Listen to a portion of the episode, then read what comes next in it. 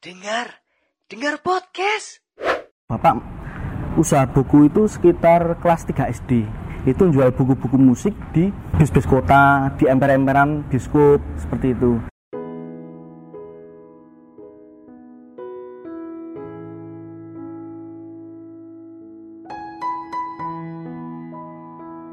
Nama saya Reza Rizky Rocky, umur saya 26 tahun, saya sebagai anak dari pemilik Raja Murah itu sendiri.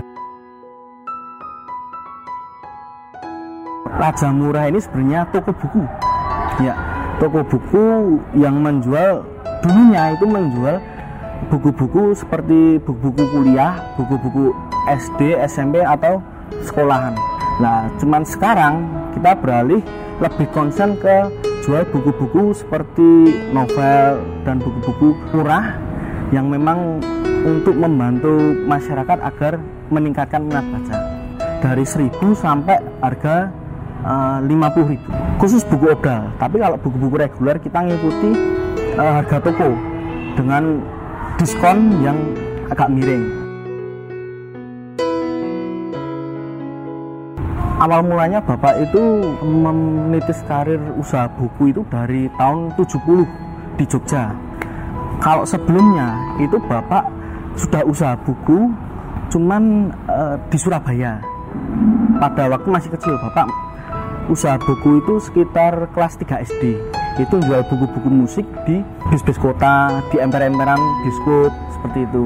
Dan pada waktu SMP itu Bapak pergi ke Jogja dan usaha buku di bioskop bioskop Permata bioskop bioskop Jogja terus di Biskota sejarahnya bapak itu dulu Simbah. Nah itu orang tuanya bapak itu usaha pabrik rokok. Nah, dan mungkin pengajaran yang diajarkan dari keluarga itu mandiri nah, sehingga bapak diajarkan sejak SD itu suruh mandiri. Bapak keluar dari rumah dan sudah usaha sendiri yaitu usaha buku lapak di sekolahan-sekolahan terus di apa itu bis-bis kota di bioskop-bioskop menjual buku-buku musik. Sehingga sampai sekarang ah, itu meregenerasi sampai ke saya. Dulu saya pertama kali bazar itu ketika saya SMP di pertama kali di Purwokerto. Bazar itu mayoritas kebanyakan itu satu minggu. Karena memang eh, daya beli masyarakat untuk tertarik itu waktu satu minggu.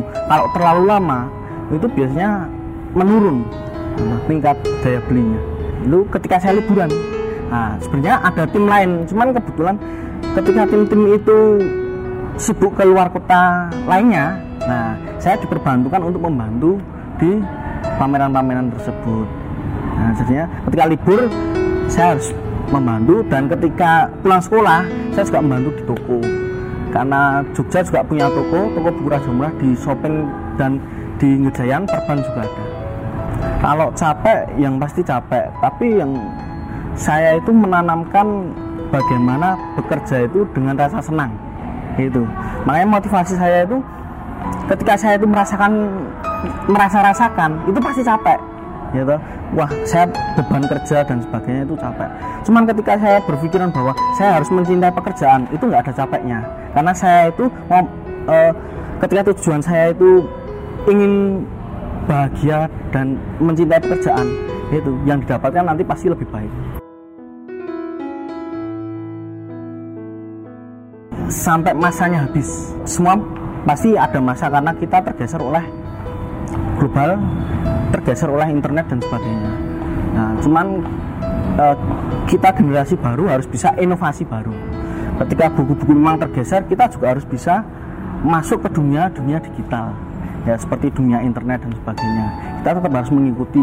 Walaupun kita tergeser kita tetap jual buku murah agar masyarakat tetap mau membaca dan membeli buku karena dengan buku murah orang pasti mau menyisikan 1000, 2000, 3000, 5000 untuk membeli buku murah